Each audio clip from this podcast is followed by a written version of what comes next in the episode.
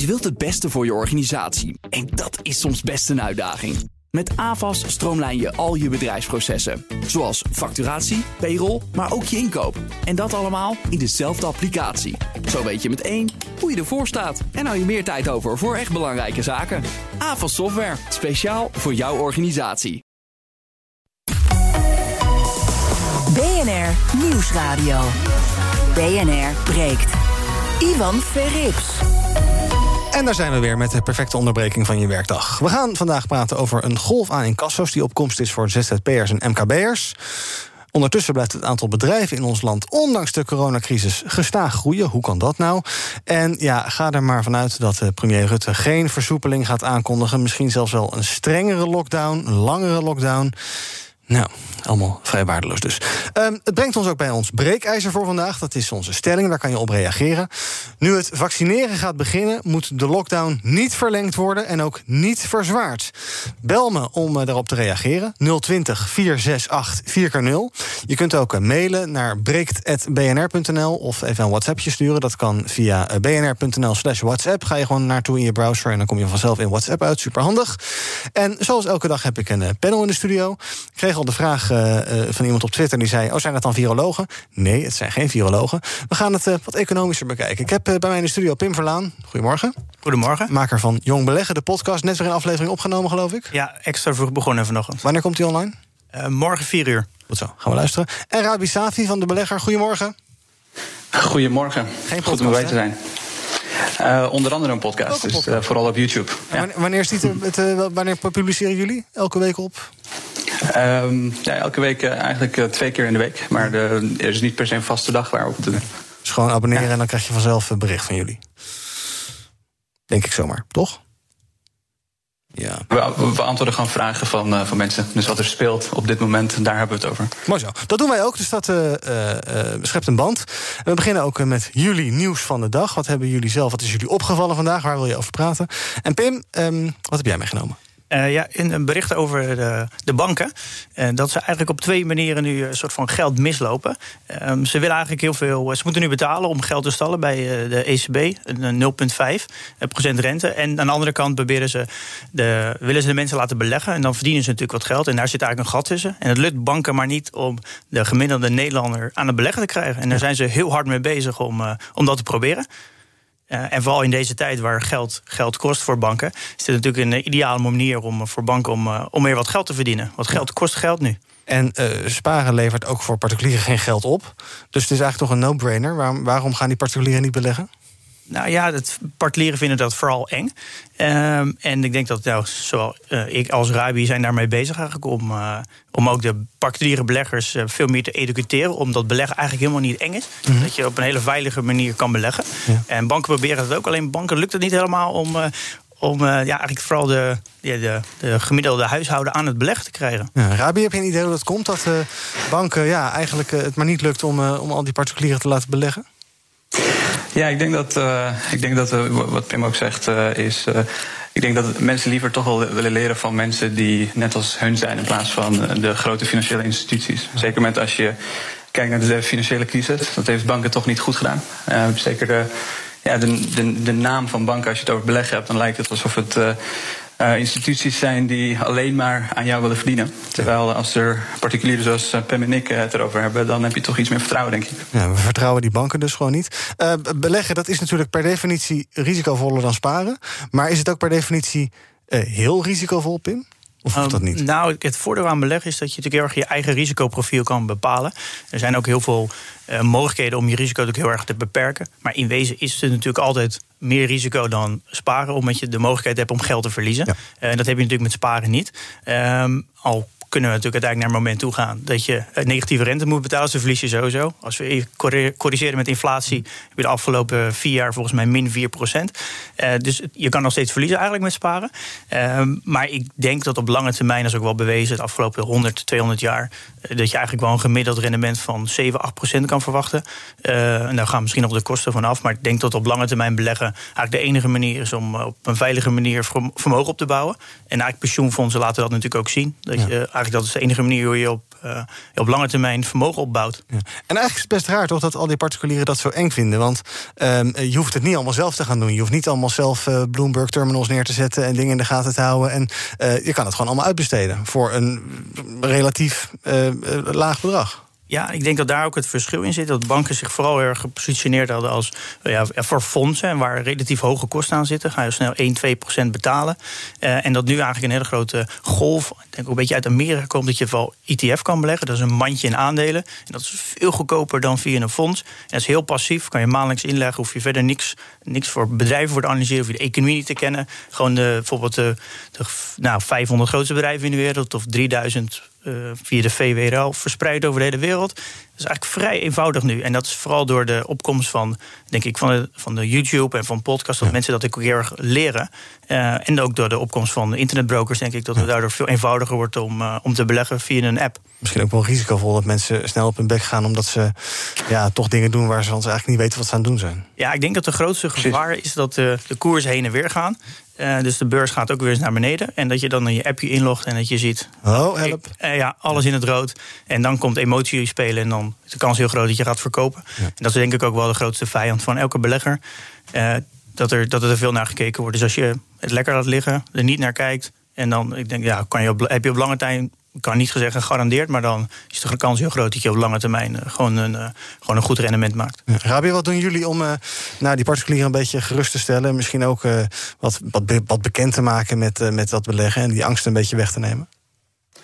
Ja, nee, ik, ik denk het grappige is, het is ik, ik denk niet dat het angst is. Ik denk dat het vooral een stukje ja, mensen ja, die, die, die hebben de kennis gewoon niet om in de financiële markt in geld te leggen. Was bijvoorbeeld wat net zegt, een ETF, een mandje.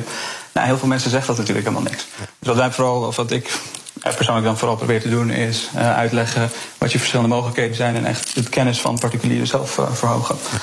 Um, maar ik denk sowieso uh, risico. Hè. heel veel mensen hebben het over risico, maar het grootste risico dat je loopt met beleggen is natuurlijk je geld verliezen.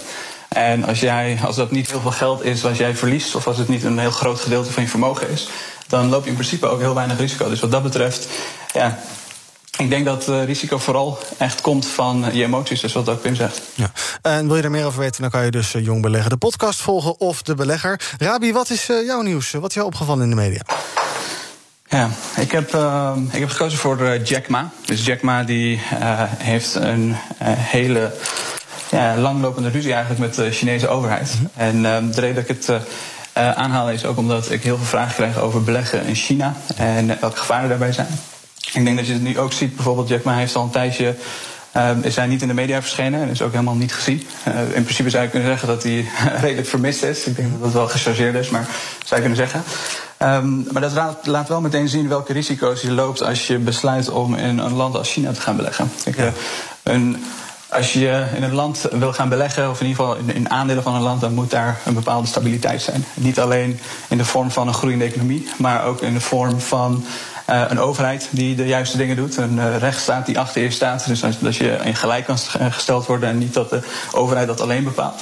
En dat zijn toch wel hele grote risico's voor een bedrijf als Alibaba die Jack Ma runt bijvoorbeeld. Of een endgroep die geen IPO mag gaan doen. Ja, maar dus dat, dat zijn best wel zorgelijke dingen. Terwijl Tegelijkertijd, als je naar het nieuws uh, kijkt, dus als je heel veel uh, gaat googlen, lezen, dan is er alleen maar positief nieuws. En waardoor heel veel, vooral particuliere beleggers, zullen gaan beleggen in China. Dus dat, zou ik, uh, dat, dat wilde ik even met iedereen delen. Ja, maar die, als je de afgelopen jaren belegd hebt in Alibaba, ben je toch best goed gegaan, denk ik?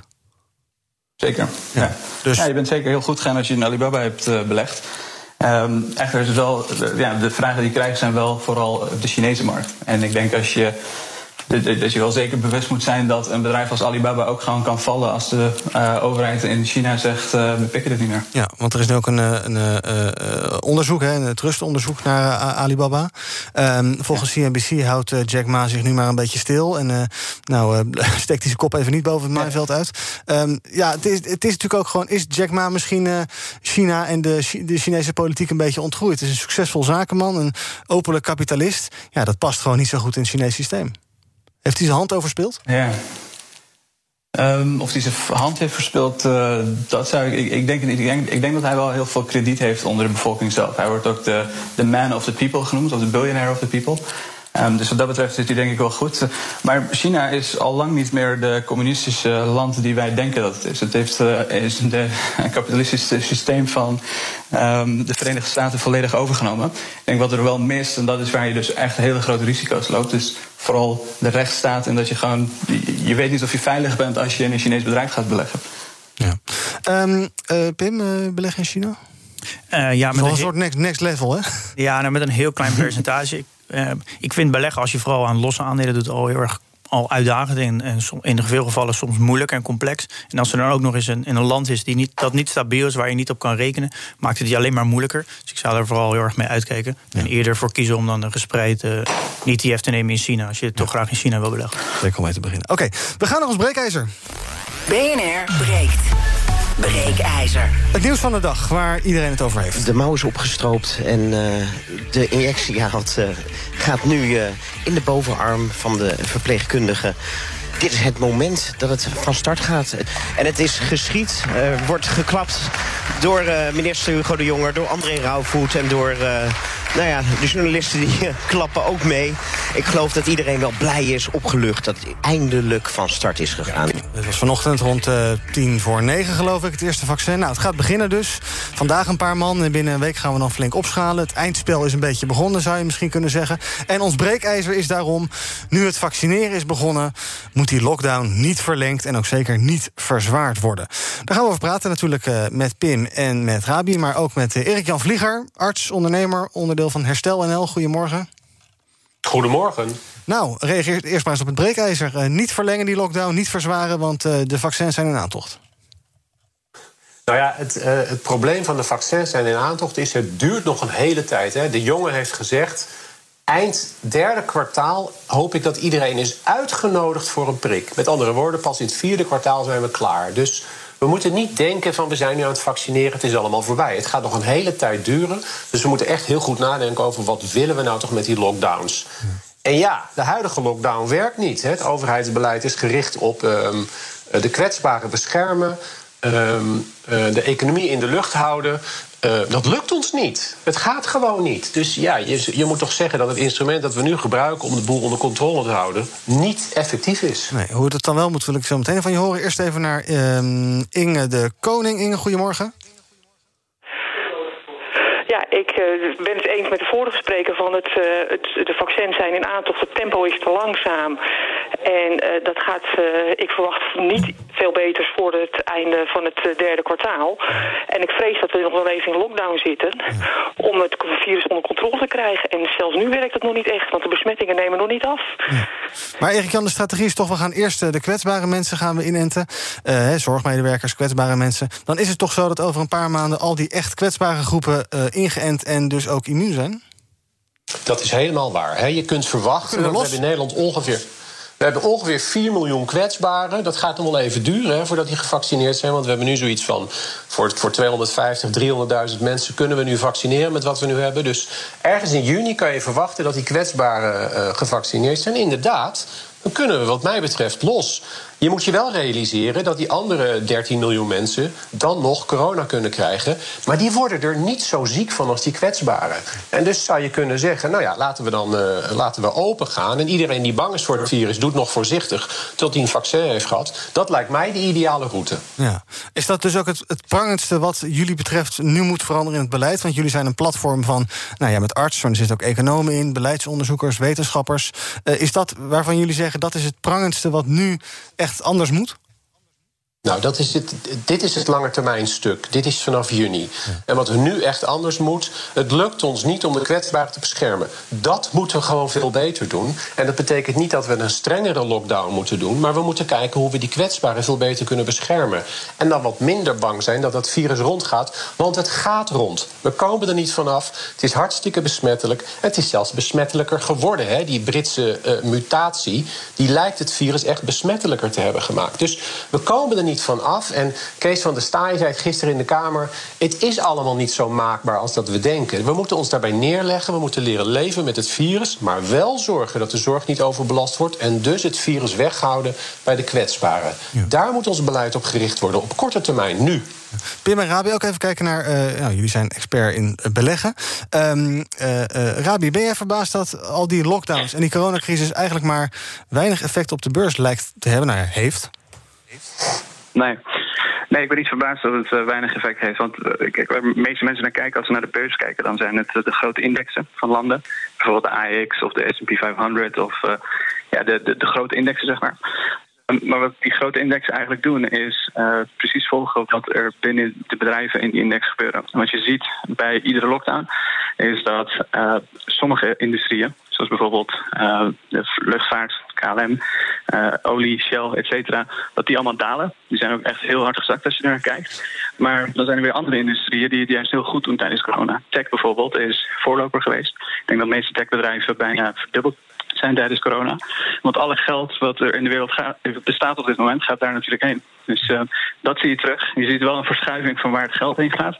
Maar het verbaast me niet dat het, uh, dat het omhoog gaat. Want uh, ja, netto gaan we erop vooruit, laat ik zo zeggen. Ja. Pim, ik weet dat jij niet van, van, het, van het planbureau bent of iets dergelijks. Maar ja, die beurs die wordt ook wel een beetje omhoog gehouden door al die steunmaatregelen. En stel dat die er niet zouden zijn, was het dan wel ingedonderd, denk je? ik denk het wel. Ja, het is natuurlijk een beetje koffie ja. kijken. Maar ja, ik denk dat de, de waarom de beurs zo zijn... heeft wel degelijk te maken met het geld... wat er door de centrale banken is, uh, is vrijgegeven. Mm -hmm. Uh, ja, geld wordt daardoor heel goedkoop. En vooral grote bedrijven kunnen daardoor mak goedkoper lenen. En daardoor uh, ja, makkelijker het bedrijf in de lucht houden en door investeren. dus dat heeft zeker een effect. En ik denk dat je terugkijkt naar 2009, 2008... waardoor de overheden veel te laat ingrepen. En dat het daardoor een, ja, een, hele lange ja, soort van crisis hebben gehad. En ook op de beurs, dat het jaren duurde voordat we hersteld hebben. En ik denk dat heel veel overheden daarvan geleerd hebben. Ja. Ja. Um, uh, Erik-Jan, uh, in Duitsland is de huidige lockdown uh, net verlengd tot 31 januari. Staat dat ons ook te wachten, denk je? Volgens mij wel. Als je luistert naar de signalen uit het RIVM en ook wat Rutte gisteren zei, moeten we er niet op rekenen dat we open gaan. Dat wordt minstens februari. En ja, dan is het nog de vraag: hè, heeft het dan de effecten die we willen? Want Rutte die wil dat we naar minder dan 10 IC-opnames per dag gaan. Ja, daar zijn we zo ver van verwijderd. Ja. Dus uh, ik, ik ben bang dat, uh, uh, dat, dat deze lockdown, als dat de doelstelling blijft... en als we het op dezelfde manier blijven proberen, hartstikke lang gaat duren. Ja, wat zou de doelstelling wel moeten zijn dan? Nou ja, die doelstelling is goed, maar het middel is niet goed. Kijk, het middel wat we nu proberen is dat we het virus weg proberen te houden uit de hele samenleving. Dat gaat ons gewoon niet lukken. Daar moeten we ons bij neerleggen. Wat we moeten proberen is het virus weg te houden bij de kwetsbaren. Ja. Dat zou ons de beleid moeten zijn. En dan kan de rest ook iets meer vrijheid krijgen en iedereen snakt daarnaar. Ja, en dat dan af en toe, kijk, die mensen op de IC, dat zijn vaak oude mensen. Er worden jongeren, jongeren die, die merken er soms helemaal niks van. Sommigen, heel af en toe worden ook mensen wel eens heel exact. erg ziek. Maar moeten we dat dan maar voor lief nemen? Is dat de afweging die jullie maken?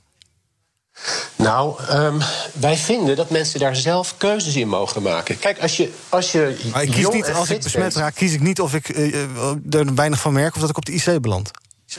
Dat is helemaal waar. Je, je loopt een risico. Maar het risico voor jonge mensen is extreem gering.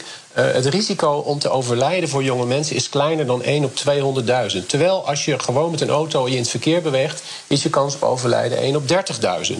Dus het is veel minder gevaarlijk dan deelnemen aan het verkeer. En dat risico nemen we dagelijks. Ja. Dus zeggen wij, geef mensen nou gewoon de vrijheid om dat risico te nemen.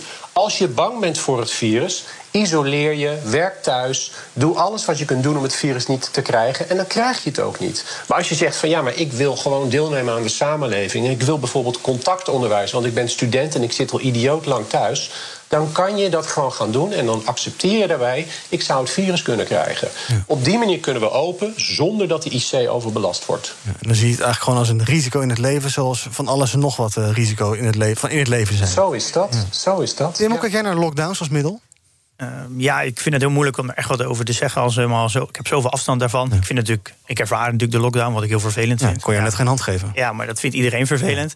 Ja, ja er is heel moeilijk, ik vind het heel moeilijk wat over te zeggen. Ik begrijp ook wel dat, dat vooral de, ja, de jongere generatie daar natuurlijk eigenlijk de rekening voor betaalt voor de lockdown. En dat voor ouderen wat minder.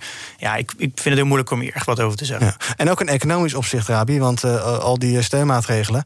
Ja, die gaan wij allemaal terugbetalen en eh, niet eh, mijn opa en oma. Eh, zeker. Eh, eh, ja, dat, dat is gewoon zo. Ja. Daar kan je weinig tegen doen. Maar ik denk dat je ook niet zou moeten willen dat er geen steunpakketten moeten zijn. Want als je hele grote bedrijven failliet gaat, laat gaan, dan is toch al heel veel waardecreatie dat verloren gaat. Aan de ene kant banen, aan de andere kant producten die we dan bijvoorbeeld minder gaan hebben. Minder concurrentie, dat soort zaken. Dus zeker. En ik denk dat bedrijven zelf er ook voor, voor betalen. Dus als je bijvoorbeeld, ik word wel eens gevraagd van wat, wat vind ik van een bedrijf als KLM.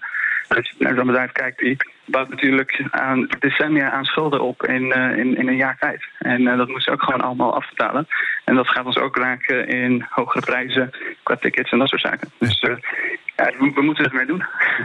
We moeten het ermee doen, dankjewel. Erik-Jan Vlieger van Herstel NL. Net hoorde je trouwens Rabi Safi. Maar ook dank Erik-Jan Vlieger voor het meepraten van Herstel NL. BNR breekt. Ivan Verrips.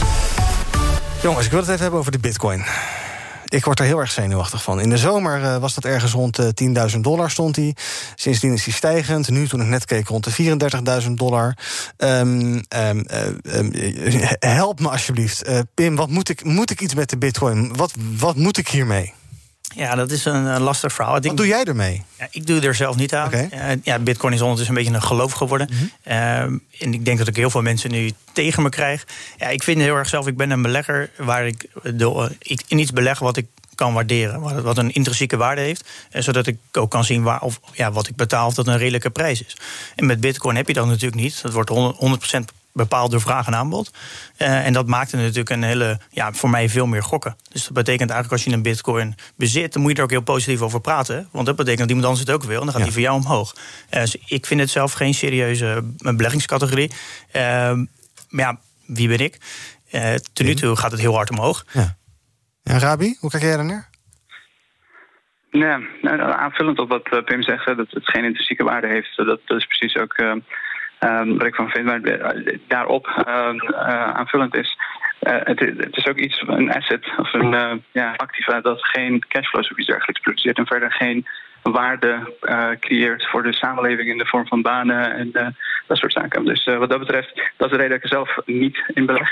Echter, als je kijkt naar wat, wat deze stijging veroorzaakt, tegenover wat de vorige stijging veroorzaakte, ehm, is er wel een significant verschil. Dus als je ehm, in 2017, 2018 zag bijvoorbeeld, is dat het vooral particuliere beleggers waren die bitcoin wilden kopen. En dan vooral door een stukje FOMO, hè, dus ze wilden niet de, de, de big rally van eh, Bitcoin eh, missen. Eh, terwijl het nu echt van institutionele beleggers komt die ehm, ja, toch als een hele bijzondere asset class eh, zien die heel anders is dan hun huidige eh, eh, dingen die ze bezitten, zoals obligaties, aandelen, goud, dat soort zaken. Dus dat het volledig daarvan losstaat.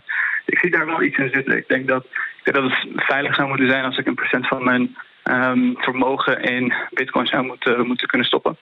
Er zijn ook bedrijven bijvoorbeeld die hun volledige balance sheet hebben omgezet vanuit ja, van, van, van eh, ja, de USD of fiat currency naar eh, bitcoin. Ehm, ik ben even de naam kwijt. Volgens mij MicroStrategy was het bedrijf die dat eh, deed. Ik geloof dat Elon Musk zelfs gevraagd is om dat een keer te doen. Hij zei dat hij het zou overwegen. Dus wat dat betreft, er is, er is nu wel interesse van hele serieuze mensen. Ehm, en ik snap wel het idee dat het een volledig ander asset class is dan wat we gewend zijn met aandelen, obligaties, dat soort zaken. Dus er zit er wel wat in. Ik eh, durf het nog niet aan. Nee. Maar Pim, Pim, sluit jij het dan eigenlijk voor altijd uit? Of zeg je van, want inderdaad, de, de institutionele beleggers stappen er wel in? Ehm, ja, ik, het is op zich wel logisch dat heel veel mensen instappen... omdat je nu heel veel moet betalen voor, om geld te hebben eigenlijk. Dus dan ben je al snel op zoek naar, naar waar het wel kan renderen... of in ieder geval dat je in ieder geval niet voor hoeft te betalen. Dus ik begrijp op deze stijging wel. Maar alleen, ik, ik vermoed namelijk dat dit nooit een, een wettelijke betaalmiddel gaat zijn. Dat kan me niet voorstellen dat alle overheden... nou noem even de Europa, Amerika en China... dat gaan accepteren. Dat kan me gewoon niet voorstellen. Die zullen uiteindelijk altijd de financiële industrie willen reguleren. Dus uiteindelijk met een eigen eh, digitale currency komen. En ik, ja, ik, ik vergelijk het soms wel eens met, met hoe het internet is. Ik denk uiteindelijk dat de bitcoin een soort van het het, het, het ja, dark web wordt eigenlijk van het internet. Uh, je, het is volledig anoniem. Het wordt door een hele kleine groep mensen gebruikt. En ik denk ook wel dat het altijd blijft bestaan. Alleen ik denk niet dat het uh, het portaalmiddel gaat worden. Dat geloof ik niet. Nee. En als je dan bericht hoort, zoals uh, gisteren JP Morgan, die dan zegt van ja, de bitcoin wordt 150.000 dollar waard binnen een paar jaar. dan worden jullie dus ook niet zenuwachtig. Want ik denk dan heel erg van ja, fuck, ik, moet, ik ben misschien al laat, maar ik moet toch wel gaan instappen. Misschien met iets. Rabi? Uh, nee, ik denk dat, dat je het nooit moet laten leiden door. Uh, uh, ja, dat je daar gewoon heel zenuwachtig voor wordt. Dan moet je gewoon niet door laten leiden.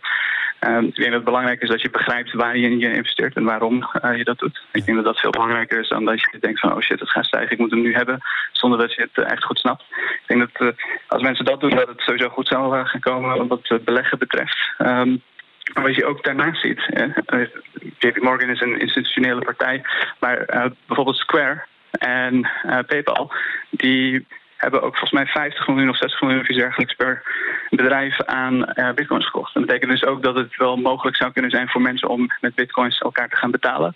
En dat het uh, ja, iets minder van de dark web wordt, maar veel meer van ja, de normale gang van zaken. Dus ik, ik zie er wel echt wel wat in voor, uh, voor de lange termijn. Ja, en wat is er dan nodig? Wil jij erin gaan stappen, Rabi? Ik denk dat uh, dus wat je nu vooral hoort zijn heel veel plannen en uh, heel veel gespeculeerd. En wat ik graag zou willen zien is dat een bedrijf als PayPal dat ook daadwerkelijk aan gaat bieden als betaalmiddel. Ja. En dat er mensen zijn die ook daadwerkelijk gebruiken om in de winkel af te rekenen of iets dergelijks. Dan zou ik het durven. Alright, we gaan er zo meteen over verder praten. Ik heb ze nog een vraag van uh, Otto Takers. Die ga ik jullie zo meteen stellen. Die heeft wel enige kritiek op jullie, uh, allebei. Maar daar kom ik zo meteen op terug uh, na de onderbreking. Dan praten we verder met ons panel. Onder andere over een golf aan incasso's... die bij ZZP'ers en MKB'ers te wachten staat. Tot zo. BNR Nieuwsradio. BNR breekt. Ivan Verrips. Hallo en welkom terug. De perfecte onderbreking van je werkdag. Praat met mijn panel over onder andere de golf aan incasso's... de groei van het aantal bedrijven in Nederland, ondanks corona... en het verdwijnen van de APK-plicht voor hele oude oldtimers. Dat doe ik met Pim Verlaan, die is maker van Jong Beleggen, de podcast. Morgen weer een aflevering. En Rabi Safi van De Belegger, die uh, publiceert twee keer per week... maar dat is een beetje random, dus gewoon volgen onder andere op YouTube. En uh, ik had het jullie al aangekondigd, er kwam een vraag binnen van Otto Takers... die zei, het is uh, niet voor het eerst dat op het moment dat de beurs sky high staat... en professionele beleggers voorzichtig worden... zij particulieren gaan adviseren om te beginnen met beleggen. Misschien heeft beleggen daarom niet zo'n goede reputatie bij particulieren. Beleggen is de enige manier om rendement te behalen op vermogen. Maar de adviseurs kunnen uh, hun werk beter doen. Nu moet je niet instappen. Pim, nu is niet het goede moment. Uh, nee, het beste moment was gisteren. Ja. Uh, en het tweede alternatief is nu. Ja, je moet gewoon niet timen. Als je vermogensopbouw gaat doen, vooral op lange termijn, 30, 40 jaar, dan moet je structureel gaan inleggen, zodat je wel op de hoge punten koopt als op de lage punten. En ik denk juist nu, als je nu begint en je bent nog jong, dat het helemaal niet erg is als het hard naar beneden gaat. Sterker nog, ik denk dat je al heel blij moet zijn als het volgend jaar heel hard zakt als jonge belegger. Want dat betekent dat je uh, daarna heel goedkoop kan kopen. En dan kan het nog heel lang stijgen. Het is beter als het zo lang mogelijk laag blijft uh, als je nog jong bent. Dus, uh, we gaan een rondje met de social media doen. Wat is nu trending op social media? Uh, onder andere Hongkong. Hongkong is trending omdat er zo'n uh, 50 mensen uit de pro-democratiebeweging zijn opgepakt. voor het organiseren van officiële verkiezingen volgend jaar. Ja, opgepakt omdat je verkiezingen organiseert. Die waren bedoeld om de sterkste kandidaten te selecteren voor de echte parlementsverkiezingen. Die zouden afgelopen september plaatsvinden, maar die zijn onder het mom van corona uitgesteld. Ook trending is. Oh she a gold digger. But she ain't messing with no broke, broke. Now I ain't saying she a gold digger. But she ain't messing with no broke, broke. Get down, girl, get down. Get down, girl, get down. Klinkt wel als een heel goedkoop speakertje dit. Uh, ander nieuws waarvan de hele wereld in schok is... is dus dat de oud-presidentskandidaat en rapper Kanye West gaat scheiden. Wij van WNR wensen Kanye en Kim heel erg veel sterkte toe. We hebben ze geprobeerd even te spreken in de uitzending, maar dat is niet gelukt. En ook trending, hashtag Ossoff. Dat is geen straaltaal voor Oslo, maar dat is uiteraard John Ossoff. Er zijn senaatsverkiezingen in Georgia. John Ossoff is de democratische kandidaat voor de Senaat. De democraten veroveren in Georgia zeker één senaatzetel op de Republikeinen, voorspelt NBC Nieuws. En Ossoff loopt ook een beetje uit. Hij staat nu zo'n 16.000 voor, uh, stemmen voor op Purdue. Nou, gaan we allemaal volgen. Dat is um, trending nu op social media. Ja, je, uh, Rabi, jij zei het al. Uh, jij belegt geloof ik veel in de VS. Hè? Volg je dan ook de Amerikaanse politiek op de voet? Waar, waar let je dan op? Ja, Nou, dus, ik, ik volg dat inderdaad op de voet, maar alleen als het ja, spannende momenten zijn. Over het algemeen vind ik het, ja, er gebeurt er niet zo heel veel wat voor beleggen interessant is. Um, maar wat ik vooral probeer te, te, volgen is wat gebeurt er met de Federal Reserve. Hoe zitten de, de rentestanden, waar zijn ze mee bezig qua toekomstplannen, bijvoorbeeld de Joe Biden 2020 of 2020 plan. Um, ja, dat, dat, dat zijn interessante dingen om te lezen, want dan weet je waar gaat het heen met de VS als, als we tien jaar vooruit kijken. En waar wil de overheid in investeren, wat wil ze stimuleren. Um, en op basis daarvan kan je ook betere beslissingen nemen. Maar als de Democraten die twee senaatzetels pakken, dan heeft Joe Biden een veel gemakkelijkere positie. Gaat dat geen gevolgen hebben op de markten, denk je?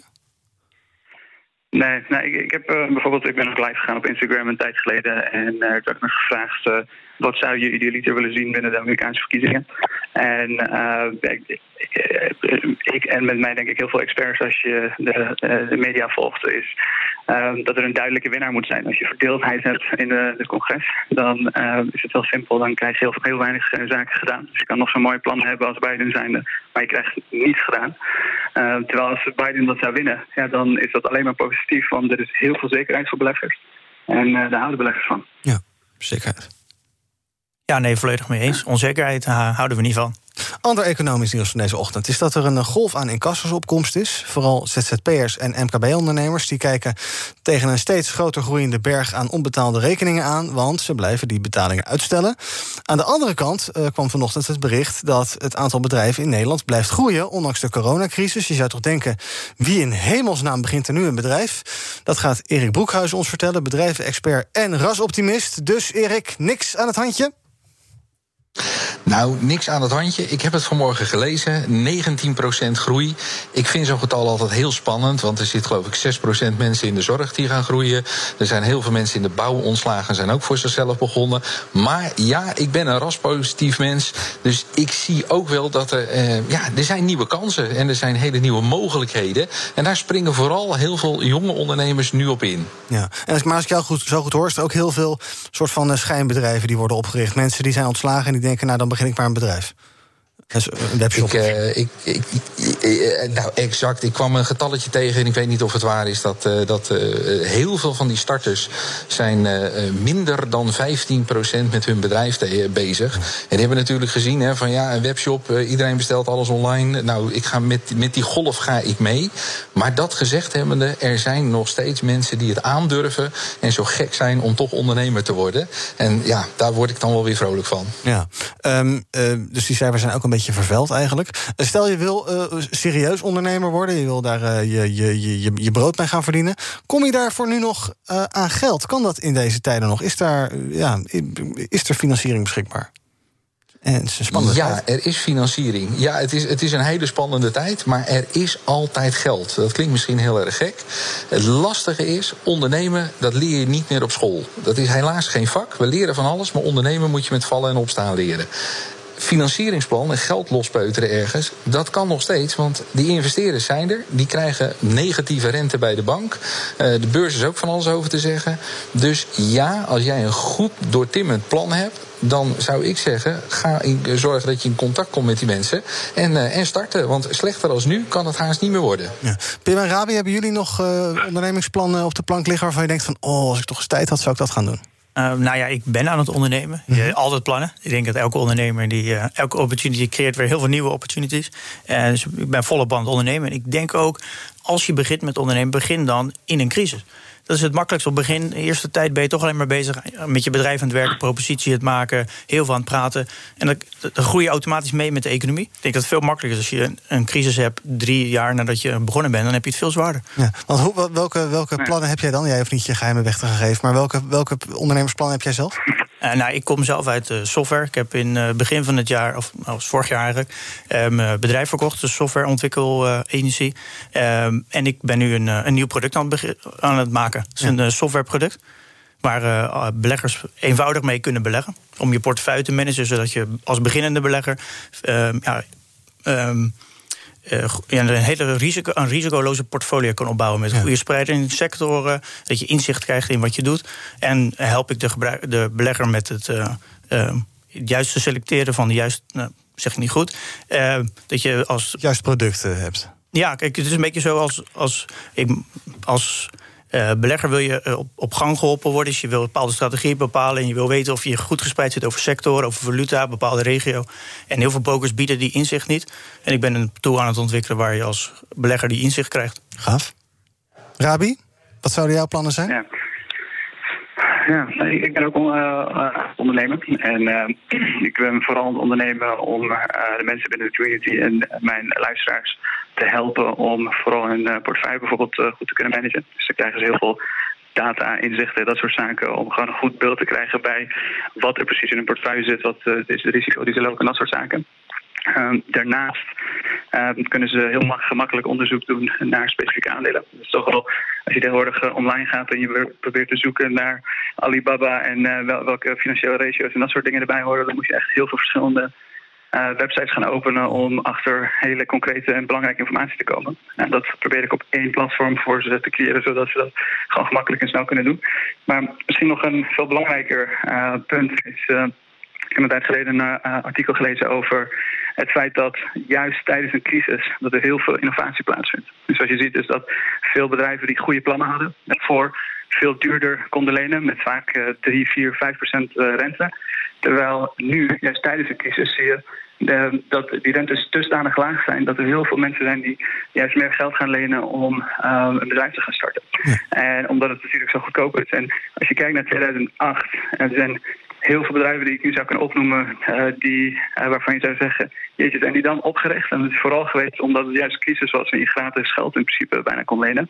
Um, zijn wel allemaal net een jaar, twee jaar na de crisis. Want dat is wanneer de banken proberen uh, de rentes te verlagen. Dus dan heb je bedrijven zoals Uber, WhatsApp, Venmo, Slack, Instagram, Pinterest en dat soort bedrijven. Ja. Dus je ziet juist tijdens de crisis heel veel innovatie gebeuren. Ik vind het hoopvolle woorden van je. En als ik zo hoor, zijn jullie uh, zijn jullie concurrenten of kun je elkaar aanvullen, Pim? Nou, ik denk dat de markt groot genoeg is. Ik denk dat het, uh, wij zijn niet de enige, er zijn meerdere mensen die dit aan het doen zijn.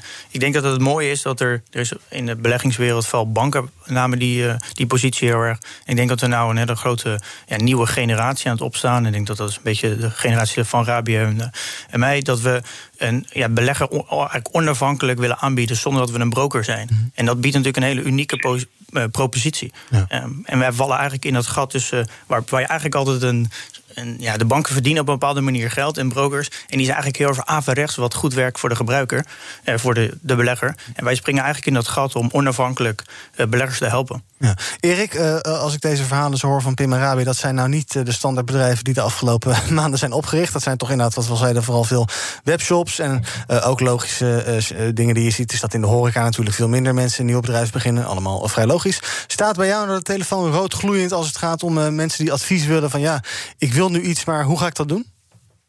Uh, roodgloeiend zou iets overdreven zijn, maar hij rinkelt lekker. En dat komt vooral omdat op het ogenblik grenzen vervagen. En uh, mijn expertise ligt in de import en export. Dus ik heb heel veel te maken met bedrijven die nu toch de grens over willen. Nou, je vroeg net hoe kom je aan geld? Dat weet bijna niemand. Maar daar is subsidie voor. Dus je kan allemaal dat soort trajecten 100% gesponsord door de overheid doen. En ja, om eens een heel ander voorbeeld te noemen. Ik zit nu letterlijk aan tafel met mannen. Die bouwen uh, hangerhouses. Dus een heel mooi project waar ze de hele wereld mee over willen. Dat, daar is ook weer allerlei dingen mogelijk. Samenwerkingen. Ik zie heel veel kansen die je juist nu moet pakken. En ja, het is een soort goed nieuwsshow. En er zitten ook heel veel mensen nu in de ellende. Dat snap ik. Dat, daar heb ik ook geen oplossing voor. Maar ik focus me dan toch op die mensen, die echte ondernemers, die nu de kansen zien en ze pakken. Dankjewel, Erik Broekhuizen. Over een kwartiertje gaan we naar uh, Zaken doen met Thomas van Zel. Thomas, met wie ga je zaken doen? En met de wethouder van Economie in Rotterdam, Barbara Katman. Zij is onder andere verantwoordelijk voor hoe het gaat in de haven. Althans, dat zit voor een deel in haar portefeuille. En die haven die doet er natuurlijk toe, altijd. Maar zeker ook nu Brexit een feit is. Er was van alles van verwacht. Onder andere een grote chaos. Blijft uit. Uh, is dat een uh, voorlopige conclusie? Of kun je al zeggen, het loopt daar eigenlijk op rolletjes? Dat ga ik bespreken. En natuurlijk ook het feit dat zij op de achtste plaats staat... van de conceptkandidatenlijst voor de Partij van de Arbeid. Dus de kans is groot dat zij haar portefeuille moet gaan, gaan neerleggen. Uiteraard, want dan zal ze in Den Haag aan de slag gaan. Er zijn ook in 2020 merken verdwenen. Dat wordt ieder jaar bijgehouden. Dit jaar ook weer. Ook al zijn er minder faillissementen. Er zijn wel wat iconische merken toch uit het straatbeeld verdwenen. En wat is een merk? Bijvoorbeeld DWDD. Ook verdwenen. Oh ja. Zou je ook een merk kunnen noemen. Het lobbypanel is er. Kees de Kort is er. Ik ben er. Er is een uitzending. Ja, nou, een uitzending? Er is een topuitzending. Onvolle uitzending. Vanaf 12 uur, hè? Zeker weten. Luisteren hier op BNR. Zaken doen met uh, Thomas van Zel. BNR breekt. Je luistert nog steeds naar BNR Breekt. Ik vind het een bijzondere jingle, maar daar gaan we het nog eens over hebben. Vandaag met ons panel bestaande uit Pim Verlaan... maker van uh, Jong Beleggen, de podcast... en Rabi Safi van uh, De Belegger. Zijn jullie, zijn jullie autobezitters, Pim en Rabi? Uh, ja. Nee. Nee, oké. Hoe oud is je auto? Six year. Oeh, uh, nou volgens mij 12 jaar, 14 jaar. Oh, dan val je nog niet onder de doelgroep van het uh, volgende gesprek. Want sinds uh, eh, 1 januari dit jaar zijn alle auto's ouder dan 50 jaar, dus maak je geen zorgen, vrijgesteld van APK-plicht.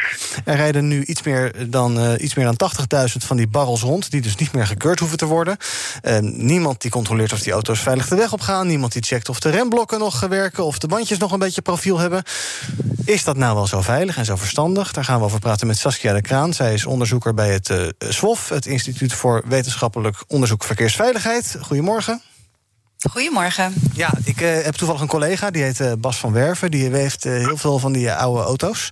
En die zegt, joh, die mensen die zo'n oldtimer hebben... die zorgen echt wel goed voor dat ding. En ja, ik, wat, wat een gedoe.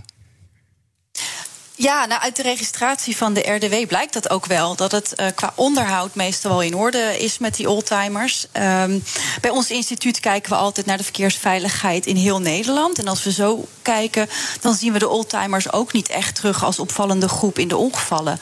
En dat komt dan vooral doordat het een zeer kleine groep is. Je zei het al, het is minder dan 1% van het hele wagenpark. En we verwachten dat er ook minder wordt gereden met deze voertuigen. Dus de blootstelling aan de risico's is veel kleiner. Ja, nou zijn er uh, wat clubs zoals de BOVAG... die waarschuwen voor onveilige situaties. In de Telegraaf uh, zeggen ze ja, uh, een groot deel van die auto's wordt natuurlijk goed onderhouden... maar ja, 5% van die klassiekers die misschien wel niet. Die, die, die, ja, dat zijn mensen die misschien zelf dat niet kunnen. En die gaan toch rijden met dat, met dat hok. is dat iets waar je je zorgen om maakt? Ja, het wordt nu meer de eigen verantwoordelijkheid van oldtimerbezitters. En daarmee raak je een stukje regie kwijt. Voor verkeersveiligheid is dat meestal een slecht idee. Uh, maar zoals gezegd, uh, het gaat echt om een beperkte groep. En ook Um, kijk, de risico's per voertuig zijn wel groter dan bij moderne auto's hoor. Uh, maar dat heeft meer te maken met het ontbreken van allerlei veiligheidsvoorzieningen die de moderne auto's wel hebben. Zoals kreukelzones, uh, hoofdsteunen, airbags, ABS. Um, maar dat los je natuurlijk niet op met een APK. Want de, die kijkt vooral naar, naar onderhoud, ja. onderhoud. En dat, ja, zoals de RDW uh, al registreert, zit dat meestal wel goed. Ja, en um, er is er geloof ik een soort compromis dat er in de maak is, waarbij er dan een soort vrijwillige APK zou kunnen zijn. Uh, is dat iets wat Soelaas zou kunnen bieden? Dat mensen inderdaad hun auto vrijwillig voor een check brengen? Dat kan nu toch ook al? Als je naar een garage gaat en je belt en zegt: joh, kan je even naar mijn auto kijken? Dan kan het toch ook? Ja, precies. Ik verwacht niet dat het heel veel gaat verschillen. Want het, het, het, het beeld wat wordt geschapen, en ik, ik geloof dat ook wel, is dat juist die oldtimer-bezitters zo goed voor hun auto zorgen. Dus ik weet niet of dat veel gaat helpen. Maar ja, als je het dan hebt over effectieve maatregelen, dan zou ik mijn pijlen sowieso ergens anders op richten. Ik zou dan eerder de discussie starten uh, welke veiligheidsvoorzieningen wij willen hebben in onze auto's. Hè. Auto's die nu van de band afrollen zijn al veiliger dan auto's uh, van tien jaar oud die nu op de weg rijden. Dus ik zou dan veel meer kijken naar hoe kunnen we stimuleren dat de meeste auto's de meest veilige voorzieningen hebben. Ja, en waar denkt u dan aan? Wat, wat ontbreekt er nu op veel auto's? Nou ja, um, je kan kijken naar belastingvoordeel voor veilige auto's. Dat hebben we in Nederland wel gedaan voor groene en duurzame auto's. Maar we hebben het veiligheidsaspect een beetje, een beetje nagelaten daarmee. Uh, en daarmee hebben we dus niet de meest veilige auto's rondrijden in Nederland. Het wagenpark is ook relatief oud. Mm -hmm. Dus als je daar met belastingvoordelen uh, stappen in kan maken, kunnen we dat versnellen. En maar als ik het nog iets breder mag trekken uh, naar verkeersveiligheid. Wij zien vooral een toename in fietsongevallen. Uh, we hebben het vaak in Nederland over auto's, maar juist daar zijn sinds de jaren 70 enorme stappen gemaakt.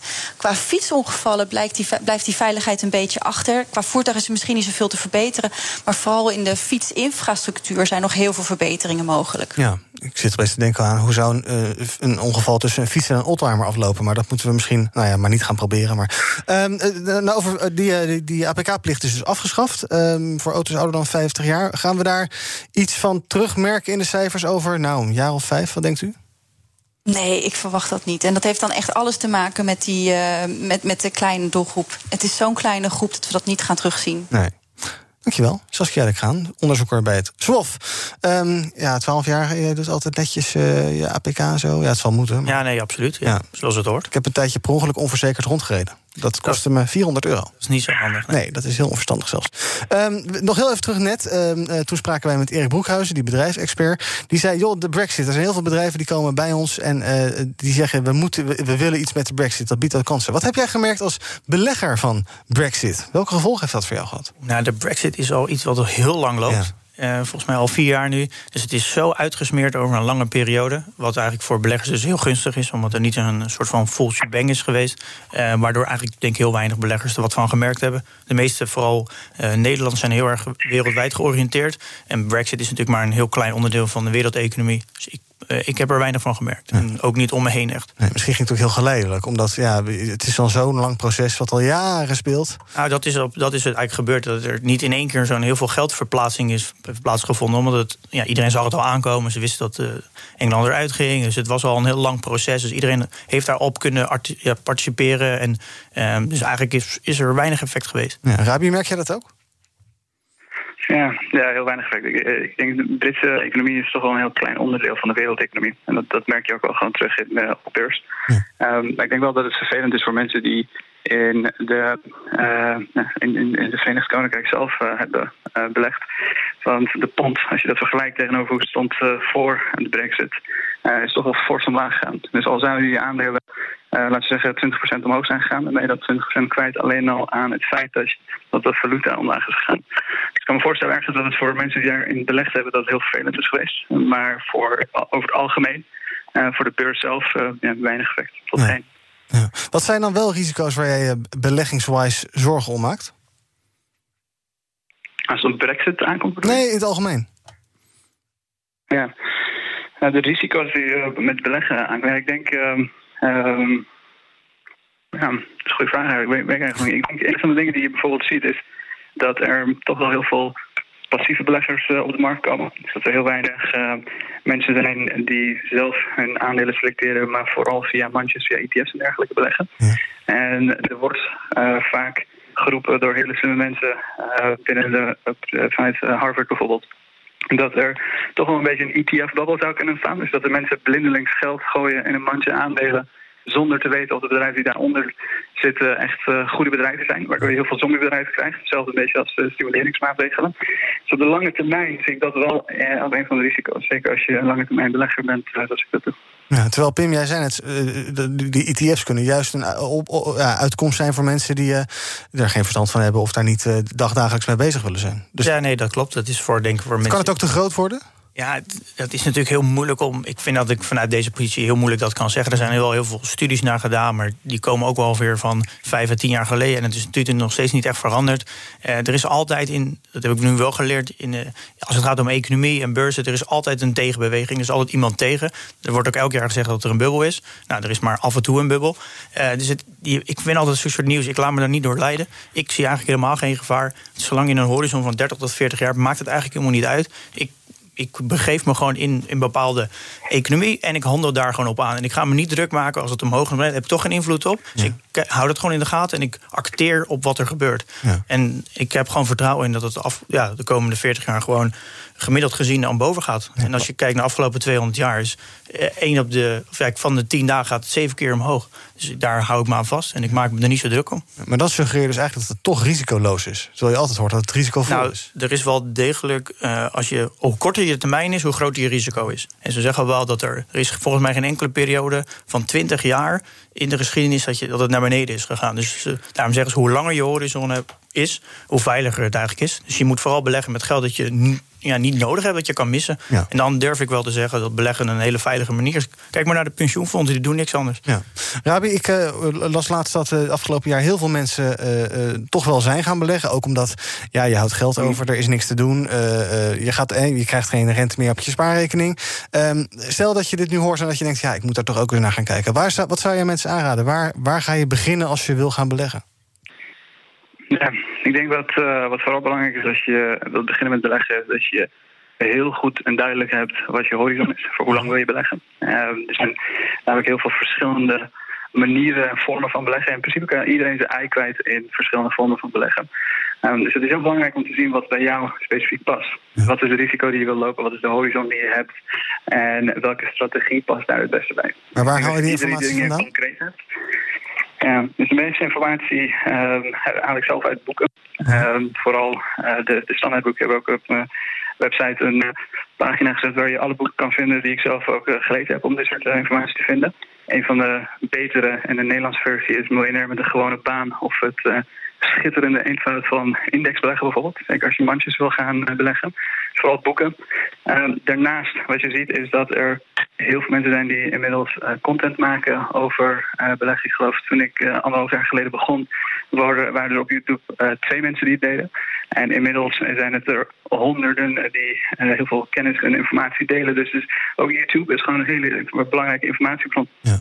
Pim, jou, heel kort, jouw laatste tips voor mensen die denken... ik moet er toch iets mee gaan doen met dat beleggen. Nou, eigenlijk wat Gabi al zegt. Het is, ik denk het goed is om te beginnen met welk geld ga je missen, voor hoe lang. En dan ga, ja, ga een stukje jezelf educateren. Ga wat boeken lezen, ga lekker op internet kijken, wat blogs lezen, wat YouTube-video's, wat podcasts luisteren. En ga gewoon, ja, doe dat dan. Neem maar de tijd voor een paar maanden en maak dan een weloverwogen keuze. Praat eens met vrienden erover. Dat merk ik heel erg toen ik begonnen ben met de podcast. In één keer gingen vrienden naar mij toe komen dat ze aan het beleggen waren. Ik wist dat helemaal niet. Praat erover met mensen. Het is helemaal, maak er geen taboe van om te praten over geld. Ja, het is gewoon leuk, toch? Ja, wees daar open over, leer van elkaar. En dus niet voor de te korte termijn erin zitten. Dank voor jullie aanwezigheid bij dit panel. Pim en Rabi, we zijn er weer aan het einde van de BNR Breekt. Morgen zijn we er weer. Tot die tijd kan je BNR volgen op de socials. Op BNR, op Twitter, op Instagram, het BNR Nieuwsradio... en natuurlijk onze website bnr.nl. Zometeen zaken doen met Thomas van Zel. Bij BNR ben je altijd als eerste op de hoogte van het laatste nieuws. Luister dagelijks live via internet. Jelle Maasbach. Wesley Weert. We zijn er voor je met het leukste, opvallendste, maar natuurlijk ook het belangrijkste nieuws. Tijdens de presentatie van die halfjaarcijfers toen die beurskoers in elkaar kukkelde. BNR Beurs. Voor de slimme belegger. Blijf scherp en mis niets.